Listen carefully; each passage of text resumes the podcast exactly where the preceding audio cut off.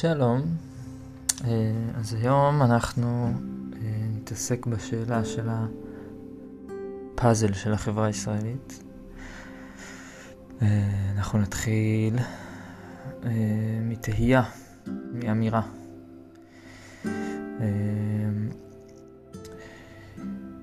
רק כשאנחנו חושבים על החברה הישראלית, אנחנו רואים הרבה הרבה פירוד, הרבה שנאה, הרבה מתח, ריב, קבוצות. וכל הזמן עולה השאלה מה... איפה הביחד, או מה הביחד שלנו, האם יש ביחד? לכל הדבר הזה שנקרא החברה הישראלית, מה המשותף, האם יש משותף לכל הקבוצות בחברה הישראלית. ובשנים האחרונות עולה איזשהו... זה לא בשנים האחרונות, אבל יש קו שקיבל איזשהו אה, קול בשנים האחרונות אה, מחודש של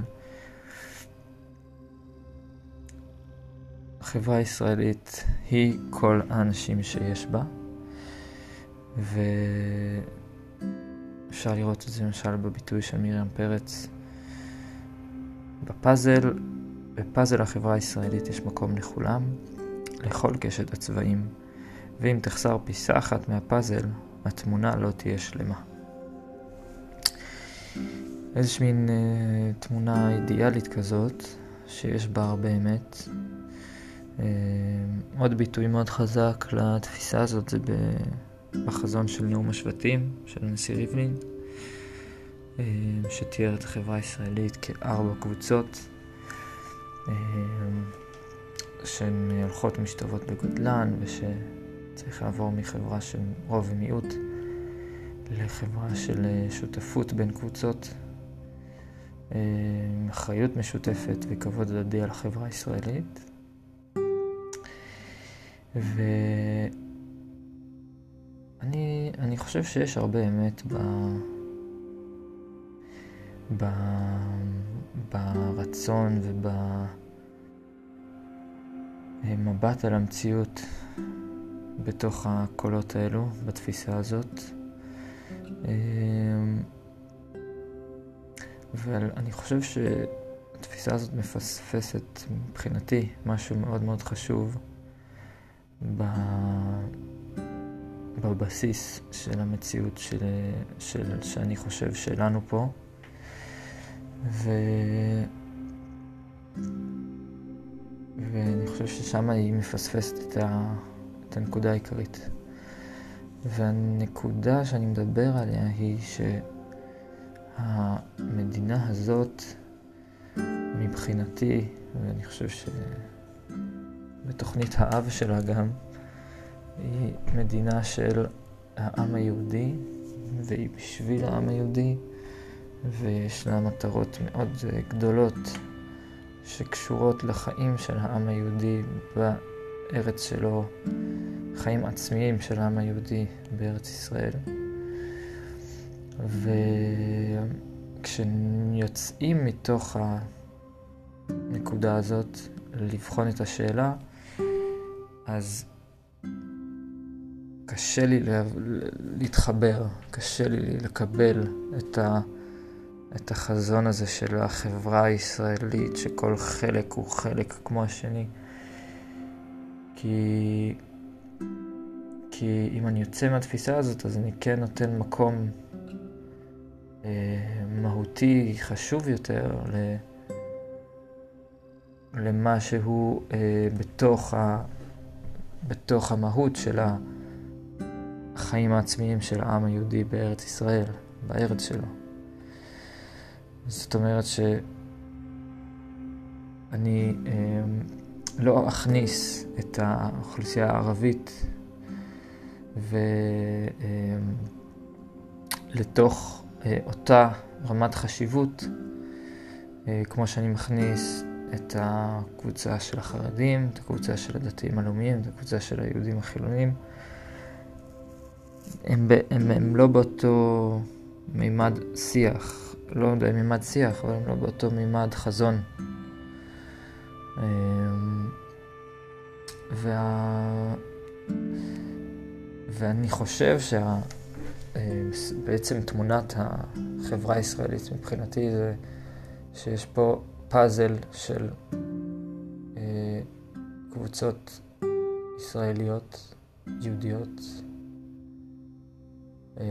שבו באמת אה, יש מקום לכולם, וכל המקום, כל מקום של כל אחד הוא חשוב, כדי ליצור את החיים העצמיים של העם היהודי בארץ שלו.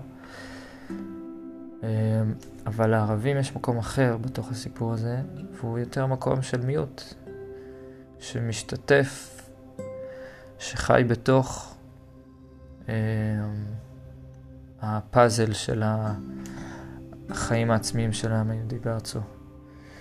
ו... וכן, באופן מהותי, הם לא שותף שווה.